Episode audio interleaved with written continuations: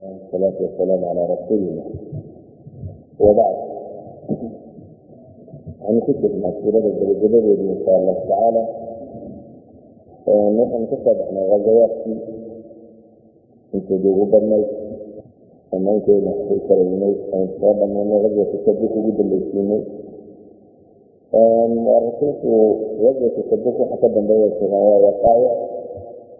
waqaayacda kana dhacdooyin hakamika masalan laxaankii dhex maray reemar alcajalaaniya haweenadiis iyo kale rajminkii masalan la rajmiyey almara alkaamadiya geeridii geeriyooday boqorkii muslimka aragtida ay nebigu ku tukaya calayhi salaatu wasalaam salaat jinaasa alghaayb geerida ay geeriyotay umu kalsuum ah ina nebi maxamed oo gabadhii labaad ee cusmaan ibnu cafaan waqtiyo yaro ku geeriyootayintii nabigu noolaa calayhi salaatu wasalaam geeri u geeriyooday habaasadiga cabdillahi ibnu ubey ibnu suluul waxaa lagu xigsiiye culamada taariikhda ku xigsiiyeen tan waxa weeyaan sannadkii sagaalada hijiriyada oo ay ku tilmaamaan culamada taariikhdu caamil wufuud. Sanadkii waqtiyada yani sanadkan waxaa looga bixiyey sanadka waktiyada waa sannadkii ku xigay waxaa nidhi sannadkii sideedaad ee hijiriyada ama ramadaan ayaa maka la xusay kadibna watu xunayn baa dhacday. Kadibna dagaaladii kalena soo tilmaamnay baa dhacay. Waxay u ekaatay wakti muslimiinta ay furteen dhulkii carab ama jaziira alcarabiya loola jiray oo dhan waxaa ku bilaabmay markaasi gabagabadiiba sannadkii sideedaad ilaa sanadka sagaalaad waxaa ku bilaabmay in carabtii dhulalka dhama ay islaamto oo qabiil weliba wafti nabiga u soo dira calayhi salaatu wasalaam culamada taariikhda warisa sida masalan tabaqaat ibnu wuxuu warinayaa dhowr iyo lixdan in ka badan. Ayaan rajaynaya meelahaas inay gaadi ku tiray inta ugu badan le culamada taariikhda qortaa markay wufuuddaasi warinayaan oo iska fudaysadaan. Dabeetana waxay soo arooriyaan biduuni asaaniid iyadoo waktana daawadan. Ayay wufuudda intooda ugu tirada badan la soo arooraan laakiin waxaan odhan karnaayo qura waxaan badnayn ayaa waxaa ku soo riwaayaat saxiixa masalan riwaayaadka fiican oo imaam albukhaari uu soo arooriye waxaa ka mid a waftigii tamiim waftigeedii oo ah nimankii inta badan ay ku soo degtay suurat alxujaraat oo intay dacda guriga nabiga yimaadeen calayhi salaatu wasalaam halkaa uga dhawaaqay nimankii reermiyiga ahaa ee suuraddaas ay ku soo degtay wufuudda kale bukhaari masala wax ka sugaya waxaa ka ah waftiga cabdilqays nimanka la yidhaahdo waftigeedii oo uu ka mid yahay ninkii uu nabigu ku calayhi salaatu wasalaam ina fiika khaslatayni yuxibuhum allah alxilm walanaa min kamida odayadii reerkaas alasti lcasri ayaa la yidhahda waa laodhan jiray isaga ayuu nabigu wuxuu ku yidhi calayhi salaatu wasalaam adiga hebelow laba sifo ayaad leedahay oo ilaahay jecel yahay labada sifo midi waa dulqaad midina waa deganaanshiyo iyo degdeg la'aan labadaas sifadaad leeda labadaba ilaahay jeceliyayuu nabigu ku yidhi calayhi wufuudda kale oo la tilmaamo waxaa ka mida waftigii reer bani xaniifa waa waftigii la socday ninkii la odhan jiray musaylamat alkadaab musaylamihii beenaala ahaasuu nabigu ku yidhi calayhi salaatu wasalaam. Musaylama waa ninkii nebiga sheegtay reer yamaama.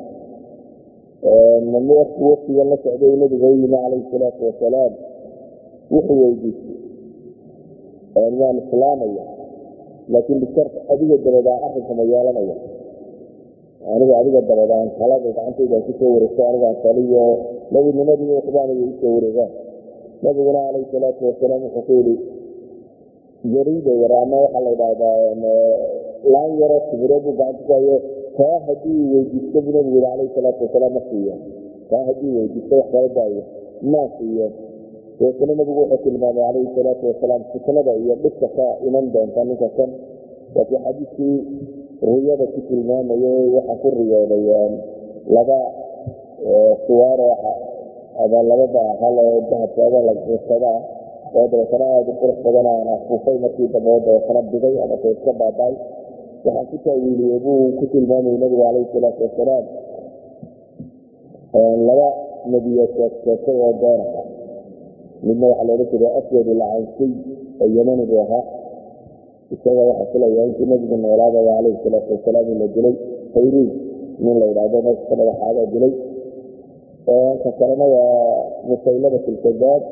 musaylamana waxaa la dilay waktiga abibakar radia allahu canhu wufuudda kale ee yeriyaan ee wax ka sugnaadeen waxaa kamida waktigii reer najraan najraan waa niman yeman qayb kamida degi jira oo iyagu markaa kiristan ahaa nasaara ahaa dabeetana wafdi ay ka tirsanaayeen nin loodhan jiray alcaaqib iyo asayid oo labadii nin ee najraan xukumi jiraya oo uu nabigu calayhi salaatu wasalaam islaamnimo ugu yeedhay oo islaamnimadii diiday ama isku soo adkeeyey. Oo dabeetana nebigu mubaahalo ugu yeedhay mubaahaladu waxa weyaan banaanka inoo saara ilahay baynu isku baryeynaayo kii la beesheegay inaan la halaago nacdar ku soo degto u dumo dabeetana way aqbaleen markii hore. Dabeed kadibna way ka cadsadeen waxay dhahaan waryaada ninkaa haddii wuxuu sheegayaa soo dejiyo waa khatare noogallay bay dhahaan waxaanu bixinaynaa. Jizyadii ama jibirkii baanu bixinaynaa. Oo jibirkaasi hana laga qaado. Waxaan ugu dartaa nin aamina nabigu calayhi salaatu wasalaam markaa wuxuu ku jiray abu cubayda saxaabigii looga jiray casharat almubashiriinka ka mid ahaa waasuu nabiguna ku tilmaamaya amiinu haadihi lumma inuu yihi ummadda reer nabi maxamed ninka u ammaano badan ayaan idinku darayaa buu nabigu ku tilmaamay calayhi salaatu wasalaam oo ah abaa cubayda waftiga kanaasa mufasiriinta yidhahdaan waxaa ku soo degta aayadan qur'aan oo ilahay leeya ina masala ciisa cinda allahi kamasali aadama khalaqahu min turaab uma qaala lahu kun fayaquul alxaqu min rabbika falaa takun min almumtariin faman xaajaka fiihi min bacdi ma jaءaka min alcilmi faqul tacaalw nadcu nadcu abna'ana waabna'akum wanisa'ana wanisa'akum waanfusana waanfusakum uma nabtahil fanajcal lacnat allahi cala alkaadibiin aayaadkaas bay sheegaan sababahay ku soo degeen inay ahayd wufuudda uu bukhaari wax ka sugay masale waxaa ka mid ah wafdigii ashcariyiinta iyana waa niman reer yamana iyo ahlu yamanka kale la socdayba waxaa ka mid a wafdigii daws waxaa ka mid a wafdigii tay iyo imaatinkii uu yimi xaakim atai ninkii la ohan jiray cadiy ibni xaakim atai wufuudda waxa laga sugayaba laftooda waxaa ka mid a damaan ibni saclaba saxaabiga la odhan jiray bani sacd bini bakr ka socday oo nin laba timo aada u badan labu ahaabaa laydha laba diltimoodoo tiboo dhaadheerna samaystay awr kaga fuusan buu yimi masaajidkii nabiga calayhi salaatu wasalaam hortiis markaasuu ku daabsaday awrkiisii nebigu uu soo galay calayhi salaatu wasalaam saxaabada la fadhiga deetana wuxuu ku yihi ayukum ibn cabdilmutalib intiina waa sheekayna cabdilmutalibi nabigu calayhi salaatu wasalaam wuxuu yihi ana bnu cabdilmutalib ana ahayna cabdilmualib wuxuu yihi muxamed reer cabdilmualib ninka maxamed la yidhaahdaa tahay. Nabigu nacam buu ku yidhi. Oo ninka reermigu wuxuu yihi ya maxamed inii saa'iluk wa mawlidun calayk maxamed oo waxbaan ku weydiinaya su'aashana waan kugu adkaynaya ee naftaada waxba haka dareeminana waxba dareemaayo yani su'aala adag baan ku weydiinaya ha u wax dhibinayo dhicin. Nabigu calayhi salaatu wasalaam wuxuu ku yidhi baa lihi sal camaa badaa lak iweydii wixii kuu muuqda. Waaskiisii dhaar buu ka bilaabay markaas insidika allah. Allan kugu dhaariyey buu yidhi ma ilaahay baa ku soo diray maka rasuul baa ayuu kaga bilaabay nabigu wuxuu ku yidhi calayhi salaatu wasalaam allahuma nacam haayo alla igu og alla rasuulkiisii ahay wuxuu ku yidhi war ilaahay baa kugu dhaariyey ma ilaahay wuxuu ku faray. Inaanu keligii caabudno oo anan cidna ugu shiriig yeelin inaanu ka fogno ka tagno sanamada iyo awsaanta iyo waxaanaynu caabudno aabbayo ka caabudi jiren inaan iskaga tagno masaas baa alla ku soo faro walla kuga aabuyi nabigu calayhi salaatu wasalaam wuxuu ugu jawaabay markaasi allaahuma nacam wuxuu waday markaa inuu faraaidda islaamka midmidii weydiiyo. Ilaahay baa kugu dhaariye maka salaadood bana lagu leeya oo caynkaasi dabeetana nabigu calayhi salaatu wasalaam haa uu yidhaahda markii loo dhameeyey oo warkii u dhammaaday ayuu wuxuu ihi fainii ashhadu an laa ilaaha ila allah wa anaka cabduhu warasuul anigu waxaan markaad ka kacay buu yidhi. Inuu alla keligii allaha xaq lagu caabudayo wixii ka soo hadhaynay baatil yihiin adiguna inaad ilaahay rasuulkiisii tahay waajibaadka aad ii sheegtayna waan gudanaya waxaad iga reebtayna waan ka fogaanaya waxna ku dari maayo intaana aad iminka sheegtay dhaafina maayo intaana waa fulinayaa buuri waxna ka yarayn maayo nabigu calayhi salaatu wasalaam wuxuu ku yidhi markaas hadduu run sheego salli geli buu nabigu yidhi calayhi salaatu wasalaam damaam waxaa la yidhahdaa salkiisu dib ugu noqda dabeetana waa lagu soo ururo waa la wadayi wuxuu ka bilaabay baa layidhi laata iyo cusayna caayo. Damaantii ay caabudi jireen dabeetana waxaa lagu yidhi yaa damaam istaqil baraka walijuzaama waljunuun war damaamoo bay idhahdeen salkiis miyaad barak iyo sigaadinu kugu dhacay iyo waali iyo miyaad ka cabsanayn markaas salaamtooda markaas ka hadlaysa laata iyo cusayaadkaagu markuu gaadho miyaad ka cabsanayn bay idhahdeen eekayda markaa weylad war hoog hoog baa idiin sugnaaday labada tani wallaahi waxna ma dhibaan waxna ma saraan bu laatiyo ciza waxna ma dhibaan waxna ma saraan ilaahayna rasuul buu soo diray kitaabna waa soo dejiyey. Waxa qudurkaa ku sugnaydeenna waa laydinka kor yeelay oo wax idinka badbaadiya alla keena aniguna ilaahay baan keligii qira nabi maxamedna inuu addoonkiisii baan qiray isagaanaan idinka imi wixii uu farayna waan idin faraya wixii uga reebayna waan idinka reebaya waxaa la yidhaahdaa maalintaasi wixii soo xaadiray nin iyo gabadhitoona ma joogin ilaa iyo wuu islaamiyey. Wuu wacdinayo dhammaan. Dhammaantood kalkii waa islaamiyey baa la yidhahda wixii maalintaasi ugu yimi idan sanadka kani waa sanadka markaas kaga caanbaxay wufuudda waxa loo yaqaano oo wufuud aada u tiro badan nabiga usma calayhi salaatu wasalaam laakiin markaynu min xayu axaadiis sanadka iyo sixadiisa markaynu eegno ma badna inta sugani laakiin ahlu taariikhku wax aada u tiro badan ayay soo arooriyeen. Cumuuman waxaan leenahay waxa ka meeshaasi ka cadin jaziira alcarabiya dadkii ku noolaa in ay islaam isu dhiibeen. Oo dabeetana nabiga calayhi salaatu wasalaam wasinimo loogu wada yimi sanadkaasi wuxuu kaloo nabigu faray calayhi salaatu wasalaam abibakar inuu soo xajo oo dadka muslimiinta ana soo xajisiiyo sannadkii hore nabigu muu xajiinin oo wuu cumraysteen isagu sannadkii sideedaad oo yimi waa cumraystay muslimiinta iyo mushrikiinta isku dhex jira dee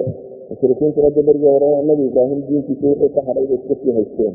Iyo wax kale ay ku dhex dareen oo de sanamcaabud iyo qurinqadhaada waa la wada xajay iyadoo kooxahaasoo dham wada socdaan. Laakiin sannadkii sagaalaad buu nabigu soo diray calayhi salaatu wasalaam abubakar oo la faray inuu dadka muslimiinta xajsiiyo abubakar tiro dada. Waxaa la dhahdaa waaqidi baa la kala noqday waaqidinada naf badan male markay xagga sanadka noqoto saddex boqol oo saxaabi meelahaa ka labaatan neef oo labaatan bidno oo la qalayo ayuu ku soo baxay baa la dhahdaa intii abubakar xajka u soo socday ayaa waxaa soo degtay suuratu baraa baraatu min allahi warasuuli suuraddaasi baa soo degtay suuratu tawba tawba markay soo degtay buu nabigu calayhi salaatu wasalaam suuraddii wuxuu akriyay caliy bna abi aalib suuradda qaybteedii hore dabeetna wuxuu daa calow bax maalinta yowmilxaji alaxbar maalinta ciidka ciidaladxaha maalinta la joogo maalintaasi xajka intaa tagto ka iclaami oo dadkoo dhan gaarsiis waa tobanka dilxija waxaanu nabigu yidhi calayhi salaatu wasalaam maalintaasi yani cali buu soo diray waa miqad uu farintaasi soo faray la yuwadicani ilaa rajulu min ahli beyti riwaayo abu ibnu isxaaq soo arooriya oo sanadkeedu xasan inkasta ay mursal tahay. Maxamed ibnu caliy albaqir maraakiibtiisa ay ka midtay abubakar oo muslimiintii wada xajkii ku wada markii cali arkay ayuu cali wuxuu weydiiyey aamiirun am ma'muurun? Caliga waadigan uga daba yimiye yani muslimiintu fawda ma aqoon wax la ydhahdo dad ku socda inaan cidlo ka talin ma jirin oo muslimiintu cid kastoo meelu baxda cid bay kelin jirtay nabiguna waa kafaray calayhi salaatu wasalaam saddex haddaa ugu baxdaan safar oo midkiin madax noqdaa buu nabigu ku yidhi calayhi salaatu wasalaam fawda ma jirto wuxuu ku yidhi abubakar markaasi cali ma amiir baa tahay mise ma'muur yani miyaa lagu soo diray adigoo lagu leeyahay adaa ka talinayo dadka safarka oo dhan oo wadanaya mise adigoo lagu talinayo dadka kamida baad iga daba timi bal ma'muurun maya waxa laysoo diray buu leeya anigoo ma'muura. Sidii buu cali ku soo raacay. Waa israaceen abuubakarna dadkii ayuu xajka ugu ahaa amiir calina wuxuu ahaa mubaliq nabiga calayhi salaatu wasalaam wixii la soo faray ee suuratu baraa uu soo faray dadka gaadsiinaya koox saxaabada ka midina markaa cali ayuu ku taageeraysay in uu dadka gaadsiiyo oo waxaa ka ahaa abu hurayra baa la idhaahdaa iyo tufayl ibnu camar iduusiy addawsi nimankaasaa ka mida baa la yidhi nimankii iyaguna qofeyntu meel istaago qur'aankan dadka sii gaadsiinaya wuxuu calileeyay nabigu calayhi salaatu wasalaam afarkayna wuu igu soo diray. Laa yadkulu ljanna ilaa nafsi lmumina dadka ina nageysiiyo kana inaanu gelayn mumin mooyaane. Rasuulkiisa cid rumaysa mooyaane qof kaloo janno gelaya inaanu haba yaraatay jirin iyo walaa yatuufu bilbeyti ciryaan. Kacbada maanta kadib qofkaa weli inaanu ku dawaafi karin. Nimanka carbeed inagii nidhi quraysh baa siyaado sheegata waxay dhahdaan darkiina waa ku soo dambaabteen markaa ma banaano in ku dawaaftaan ama waana dhar cusub aad quraysh ka haysato ku dawaaftaan haddaad ka maarmi weydo inaad iyaga cid ka mid a aada dhar aad ku dawaafto ku xasta ka ka qaadataa meelmeeska qaarkeed baa bay dhahay kuwaada ku dawaaf wayna fuurtaa markaas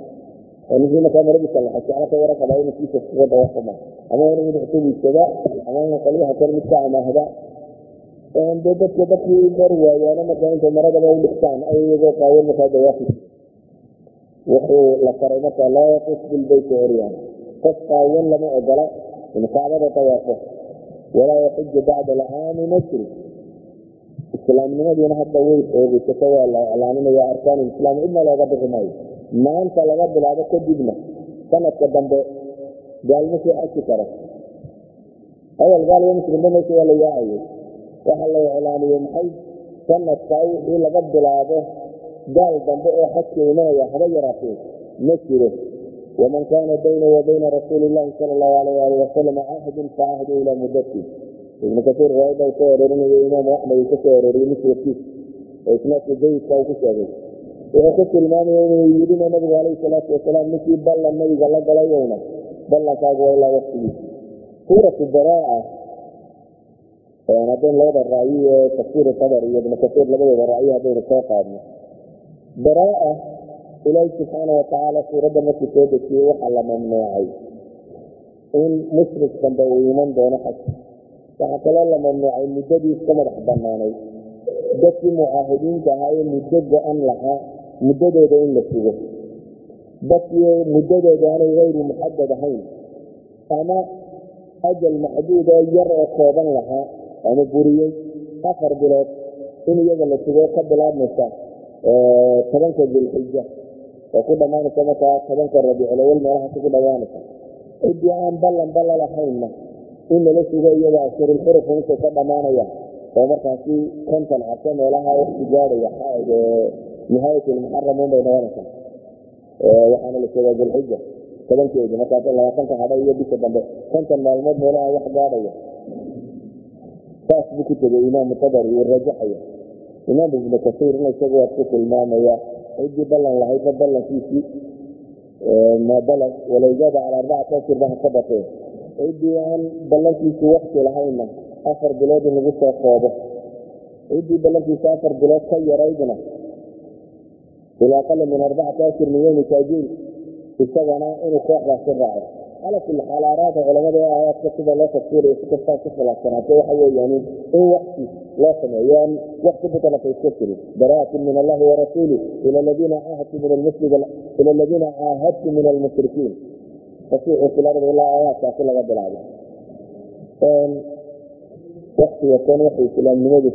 labaatan iyo laba sannadood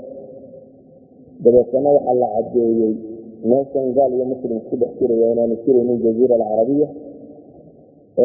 kacbadan iyo waxa ku saabsan oo dhamina dhul muslim tahay xaramna inay tahay bacda caamihim haadana inaan la ogolayn cidiba inay ka timaado dacwadiina waa la sii faafiyey waa la sii ballaadhiyey nabiguna calayhi salaatu wasalaam wufuudooda isagoo qura uma imanayno isaguna wufuud buu dirayey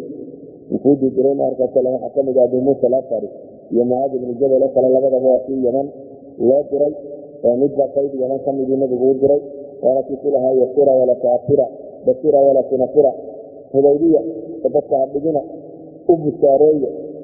oo haygu eriyina dadka. Laakiin mucaada nabigu la sii ballamaya calayhi salaatu wasalaam ku lahaa duul baad u doontaa ahlu kitaaba oo tagta waxa ugu horreeya aad ugu yeedho ha noqoto shahaadada.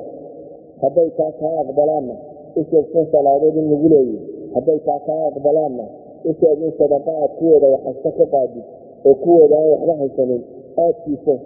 iskana dhowrto xoolahooda kuwa ugu fiican inaad ka gurto iskana ilaalibu nebigu lahaa. Habaarka ninka la dulmiyey isagii alle waxba uma dhexeeyaan baryadiisee iska ilaaliyo cidna ha isku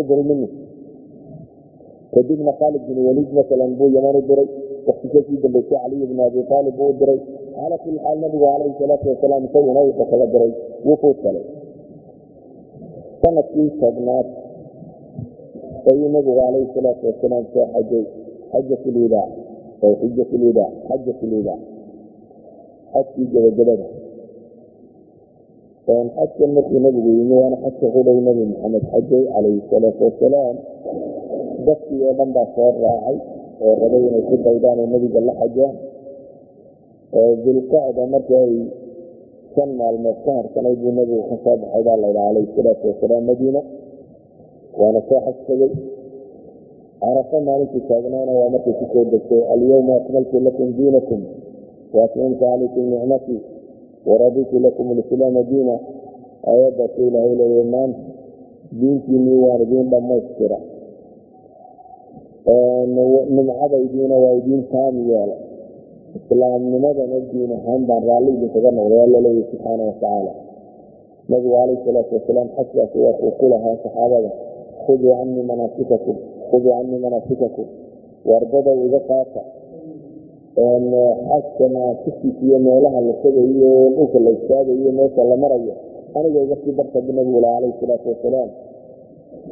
mujtamac aada u badanoo muslimiinuna way soo xajeen xajka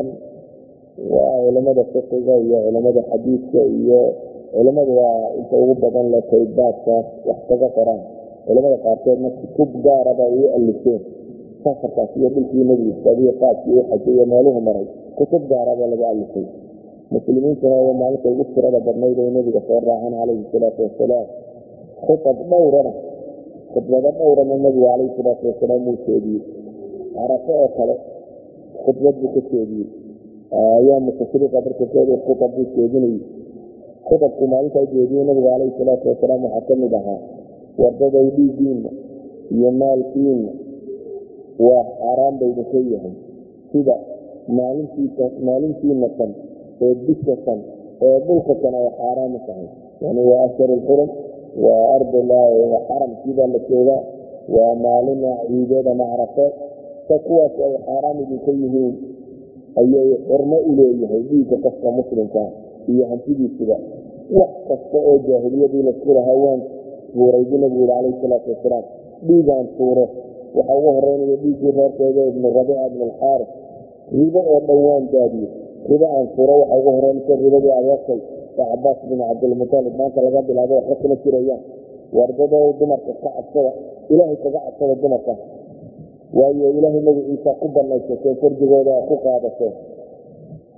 waina lakum calayhina anlaa yatiina iyagoo idinkuna waxa iyaga inay israafkiina sidaan codkiin ku fadhiisinin hadday sameeyaan darban gayra mubarax in la samayn karo. Wuxuu nabigu ka hadlay in kiswo la siiyo waxay cunaan iyo waxay cabaan iyo waxay huwadaanba in la siiyo. Waxaan idinkaga tegayaa buu nabigu leeyahy say haddaa qaadataan. Aniga dabaday aydan limin yani khutabkani waxay ekaayeen kaanama nabigu sii dardaarmayo khudbado dardaaran midana ayuu nabigu ku hadlay calayh salaatu wasalaam uu leeyahay shay haddaa aniga dabaday qabsataan aydan weligin lumayn baan idiin sheegaya waa ilaahay kitaabkiisa. Maxaa odhanaysaan? Markaan anigu tago waxaan odhan doonaa waainta saxaabadana kula rasuulkiisu waana soo gaarsiiyey diintii oo wixii korkiisa saaraa waa gusay oo waa noo naseexeeyey oo wax allaaliyo wixii alla ka saaray waad soo gudatay nabigu intu sarka cirka u taaga maalintaas wuxuu lahaa allaahuma fashhad allaahuma ashhad allaahuma ashhad ilaah markhaati iga noqo maa wixii aada soo dhan iyo diintii iyo risaaladii o dhan inaan dadka wada sheegay ilaah markhaati iga noqo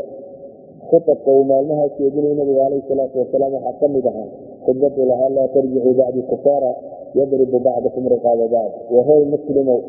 waa in la gabaashay gaalnimaha ku noqonina aa idinku madaxaad ka sarsataan buu nabigu leh calayhi salaatu wasalaam. Kufrigan uu sheegayaaba culamadu dhaha kufri camaliya yani in muslim muslim jira waa kufri camaliya bay leeyi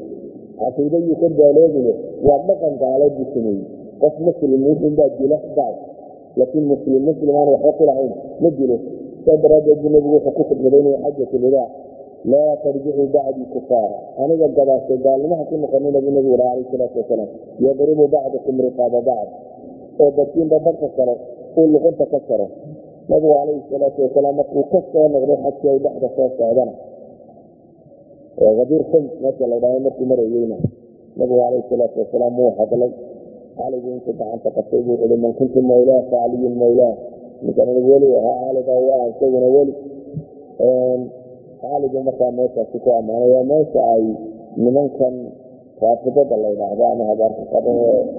shiicada la ydhaahdo qaar ka mid ay qabsadaan oo ay rabaan inay yidhahdaan markaasuu dardaarmay inuu cali yahay madaxdii ku xigaysay oo muslimiinta cali madax u noqonayo waxii kale madax muslimiinta u noqdeen badna cala khiyaamaya abubakar iyo cumar iyo cusmaan iyo khiyaamay hayda arrinka waxaa iska lahaa cali laakiin waa been nimankaas waxay sheegeen waxba kuma jiraan axaadiistu way ku asaxday allahuma waali man waalaa wacaadi man caadaynu nabigu lah calayhi salaatu wasalaam ama axaadiis badan oo masalada ka warramaysa laakiin masalada waxay ka timi sideedba cali yeman buu ka yimid dabeetana niman baa ka cawday askarda ciidankii la socdaya ayaa cabasho ka sheegay oo alaabuskiisiiyo haddana dib uga soo celiyey baa layidhi naaifkiisii alaabu uu qaybiyey. Ayuu calaysa dib uga soo celiyey baa layidhi deetana way cawdeen dabeetana wuxuu damcay inuu nabigu u tilmaamo calayhi salaatu wasalaam cali xaqa ku taagan yahay sida cali yeelay inay tahay sidii xaqa ahayd dabeetana erayada kan buu yihi nabigu calayhi salaatu wasalaam ee cali ku taageerayay. Iyana waxay ka dhigeen qadiyo kalaba oo in laga warramayay laakiin waxaa waxa ku jiri dee safarkan noqoshadii ka noqdayna wakti aan saddex bilood wada dhammayn culamada qaarna dhowrii sideetan ku sheegaan baadi noola markii uu ku laabtay magaaladii maka magaaladii madiine ahaydna nabigu calayhi salaatu wasalaam wuxuu diyaariyey ciidan cusub oo loo diro nimankii romanska ahaa. Dhankiisii ciidankaasi wuxuu madax uga dhigay usaamata bni zayd. Ciidankii hore ninkii watay zayd ibnu xaarisa baa watay ciidankii koowaad ee romanska loo diray baynaga saddexdii kuna nin ahaa oo saddexda nin madaxda looga kala dhigay oo layidhi zayd ha xukumo hadduu dhinto jacfar ibn abi aalib hadduu dhinto cabdillaahi ibni rawaxa nabigu yidhi oo saddexdiiba shahiid ay ku noqdeen. Oo khaalid ibni welid markaa soo badbaadiyo ciidanka qabsaday mar labaad baa uu ciidan kale nabigu rabaa inuu u diro. Laakiin ciidankan wuxuu nabigu madax uga dhigay usaamata bni zayd. Usaamo nin yaroo dhalinyaro sideed iyo toban jir ciidankan u dhiibay usaamo oo sideed ayuu ciidan saddex kunoo nin ka kooban baa la ydhaahdaa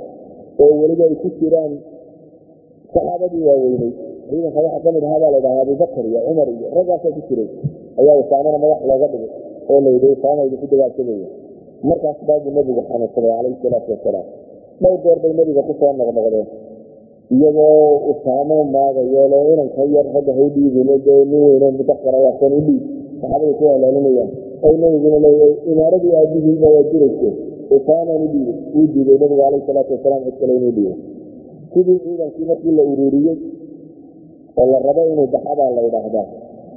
ayaa waxaa dhacay nabiga calayhi salaatu wasalaam bukaankii ku bilaabmay dabeetana ciidankii waa loo yaro taadiyey isagoo weli ciidankii meeshii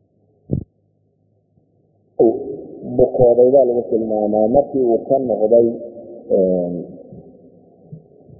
madiine maka markuu ka noqday madiine ku noqday. Dhowr iyo sideetan cabsi kadib ayuu xanuunku ku bilaabmay baa lagu tilmaamay. Culamada qaarkood waxay sheegaan ama jamaahiirtu waxay u badan yihiin inay yidhaahdaan saddex iyo toban cabso ayuu xanuunsanayay nabigu calayhi salaatu wasalaam saddex iyo toban cabso laakiin ninka la yidhaahdo sulaymaan ataymi wuxuu jasminayaa xadiis sanadkiisu saxiix yahay imaam bayhaqi uu soo saarayo. Diyaal cumar inaad moodo inuu ra'yigaas ku qadimayo toban cabso qura inay toban cabso keliya inuu nabigu calayhi salaatu wasalaam uu bukay ayankan waa uun wakti aada u yar. Walidaalik maalin isniineed buu nabigu geeriyooday baa layidhi calayhi salaatu wasalaam rabiicu haani ay tahay labiyo tobankii rabiiculawal ay tahay. Gurigii maymuuno isagoo jooga ayuu xanuunku ku bilaabay nabigu calayhi salaatu wasalaam. Lixdan iyo saddex sannadood ayaa waktigaa u dhammaaday culamada qaarkoodna waxay ku tilmaamaan xanuunkani wuxuu ku bilaabmay. Sanadkii toddobaad ayuu bilowgii ayuu ku soo bilaabmay gaar ahaan fatxa khaybar dabadeed habartii maalintay sinaysay waxaa la dhaha suntay habarta ku sinaysay waxbuu ka dareemi jiray. Habartii yahuudidahay nabigu calayhi salaatu wasalaam haweenkiisa markuu muddo bukay kolba idhaa ayna xaggaan aroorta ahay ayna ana qadan ayna ana qadan buu odhan jiri warbarita haweenkiisi jooga habeen walba xataa isagoo buka muu aqbal inuu meel iska sisto oo intaa la qaadaa buu lahaa ayna ana qadan guriga hiblaayadeedaan aroorta ku beerna markaasaan idhaha guri hiblaayo waa la geeyaa markii dambe ayay dumarkiisii waxay aqbaleen in guriga caasa lagu hayo. Caasa nabigu aada isticlaa calayhi salaatu wasalaam ayay waxay idhahdeen guriga caasa ha lagu baxnaaniyo. Guriga caasa ayaa la keenay. Saysa caaisha uu nabigu ka dalbaday calayhi salaatu wasalaam inuu intuu buko siiso siibaa la keenay. Caaisha markaa maxashaa ku haysay oo ku birabilfalaq iyo birabinaas ee nabiga gacantiisa intay soo qaado ku akrido ayay kiisa marmarisaa iyadoo arkaysa inay keeda ku akrido in kiisa ka baraka badantay. Oo nabiga calayhi salaatu wasalaam gacantiisa. Culamadu markaa waxay sheegaan maalmahii ugu dambeeyey bay had iyo koor ka gaar ahaan shantii cabsi ugu dambeysay iyo maalin walba waxa dhacay. Laakiin markaynu iska soo duuduubno nabigu calayhi salaatu wasalaam waxyaaba waktigan dambe sii dardaarmay waxaa ka mid ah warwaraaqiskeena buu aan kitaab idiin qoraydan lumin aniga dabaday weligiina markii la jiri qalinkii iyo waraaqdii wixii wax lagu qorayay doona ayay saxaabada baddiideen oo yidhahdeen waa ka daaya nabiga hadda wakimin gaaraan waxa la dhaha cumar baa wuxuu war ilaahay kitaabkiisii yaalla nabiga hadhigina iska daayay markaasay murmeen markay ku murmeen arrintiina waxay ku yidhahdeen nabi alle xasbuna kitaab ullah deetana arki markay ku murmeen nabi kaga taga buu nabigu ku yidhi calayhi salaatu wasalaam iyagoo u arkayay saxaabada qaarkood inay arrinkan iska tahay in dardaaran nebigu u dardaarmayo laakiin uu nebigu culus yahay oo u diidayey inay dhibaan. Oo le ilaahay kitaabkiisiiba weynoo keeno waa yaalahay waxba dardaaran kale yaan laynoo qorin oo nabigu calayhi salaatu wasalaam waktiyadaasi ugu sii dambeeyey waxaa la faatima timi markaasuu wax u sheegay markaasay eydi markay eyday buu haddana u yeedhay deetana hoos buu wax ugu sheegay markaasay qorqortay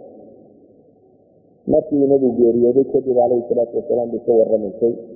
oo waxaa leeyahay maxay ahayd waxay tiri hoos buu igu sheegay inuu dhimanayo. Nabigu calayhi salaatu wasalaam dabeetana waan ooyey bay leedahay mar labaad bay ii sheegay bay tiri seerkiisa iyo ehelkiisa inaan anigu ugu horeynayo qofka ugu hordhintay ee nabiga la xidhiidha inaan ka mid noqonayo markaasaan ku farxay leedahay iyadaana ugu geeri xigtay nabiga lix bilood kadib ayay iyana geeriyey nabigu calayhi salaatu wasalaam isagoo buka maalmihii hore ayuu saxaabada tukinayey laakiin maalmihii saxiifata xanuunka aada uga sii batay ayuu wuxuu yihi mura abaabakra falyusalli binnaas. Abaabakar farac dadka ha tukiyey. Caaisha markaa ku celcelisay hadalka oo istiri arma aabbaha dadkasta umaystaan yani waxaa iska dhib badan leh ninkaas yani meeli fadhii jiri haddaad ka daba fadhiisato adiga dadku way ku bacsanayaan adiga wax badan ba dhigin oo laga yaaba inaad wax wanaagsan ba wado waayo waxaa la dareemaya lagugu qiyaasaya dee qof gaari karin oo fiicnaan badna waxay ka cabsanaysaa caaisha inay dee dadku nebi maxamed ku qiyaasaan oo markay yidhahdaan wallahi halkii nebiga gaari kari waayo kale in la yidhaahdo oo markaa dadku samaystaan markaas bay lahayd ha laga daayo aabahay tiri ilaahi rasuulkiisa in abaabakra rajulan raqiiq abaabakar waa nin jilicsan bay tiri daciifu sawta aada u jilicsan kasiir ilbakaa oohin badan salaad haddii ku taago. Idhi maqlamaysa waa ooyayaabay leeday markuu qur'aanka akriyo nabigu calayhi salaatu wasalaam laakiin wuu ku adkay wuu ku adkaystay abibakar dadka ha tukiyo ilaa uu ka gaarsiinayna kunna sawaaxiba yuusuf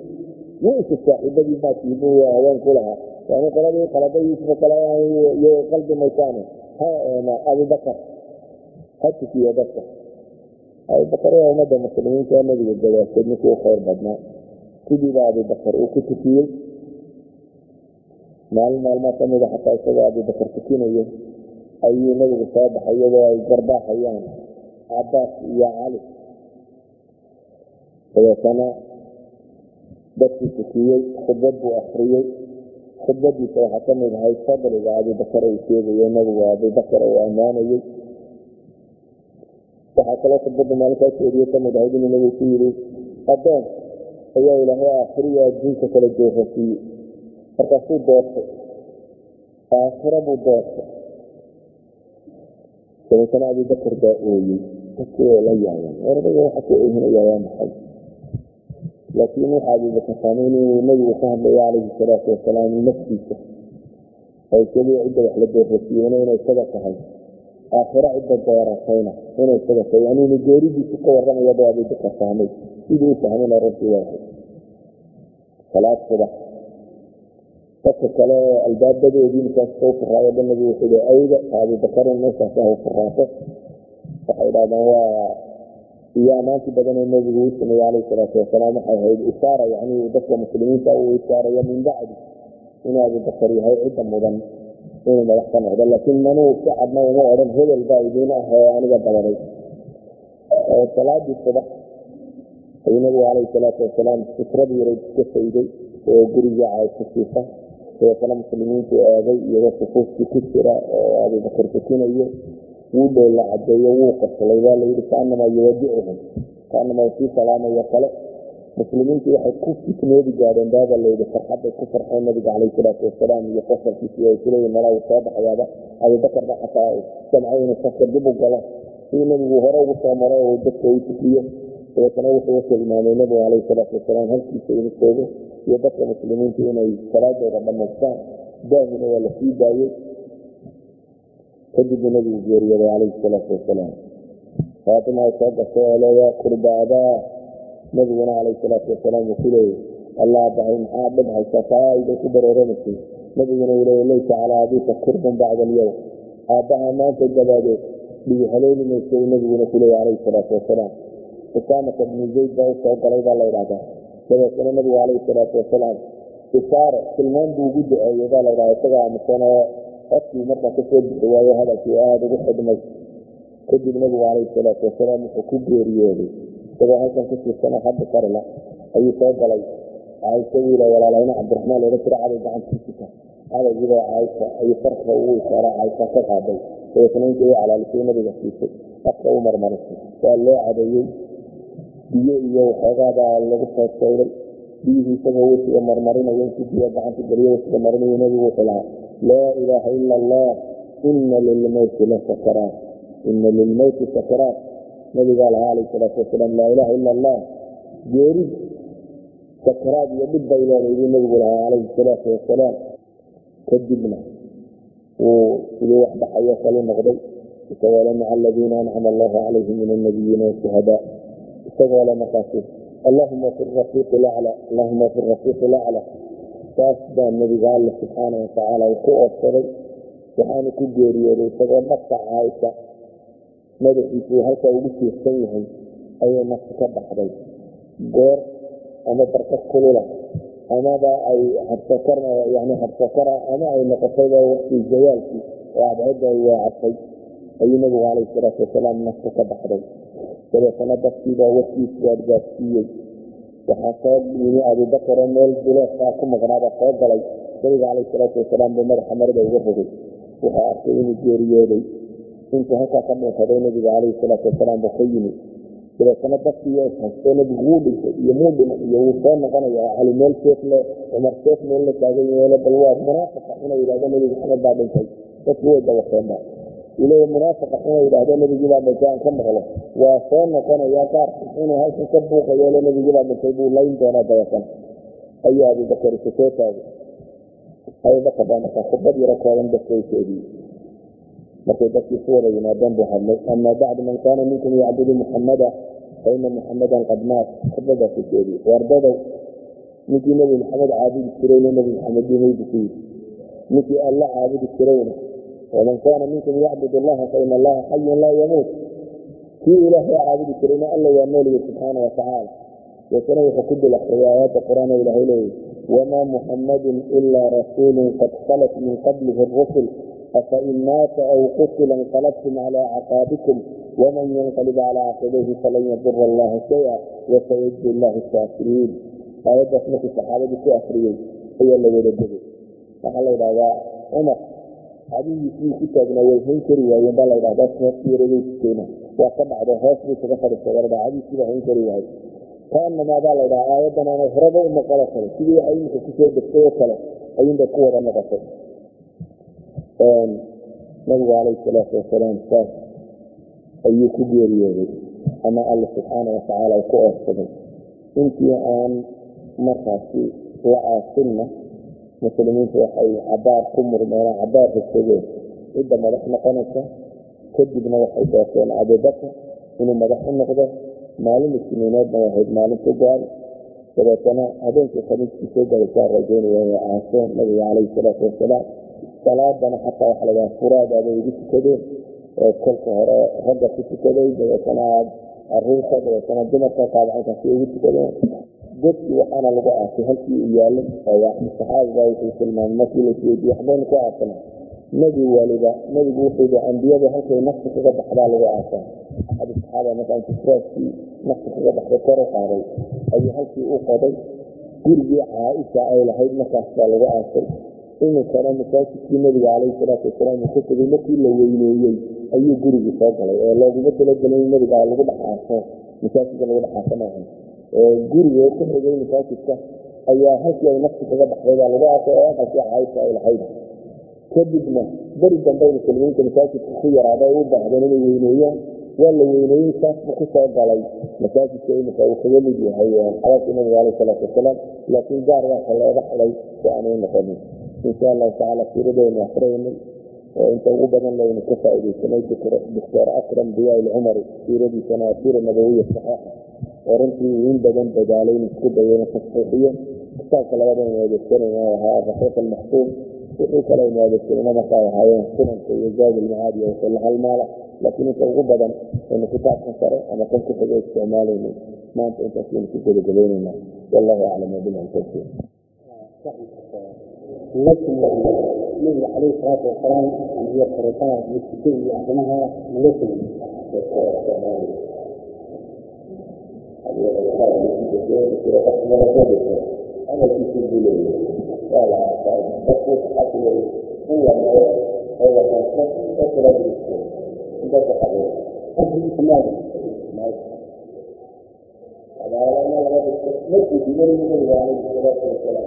maalmaha ugu dambeeyey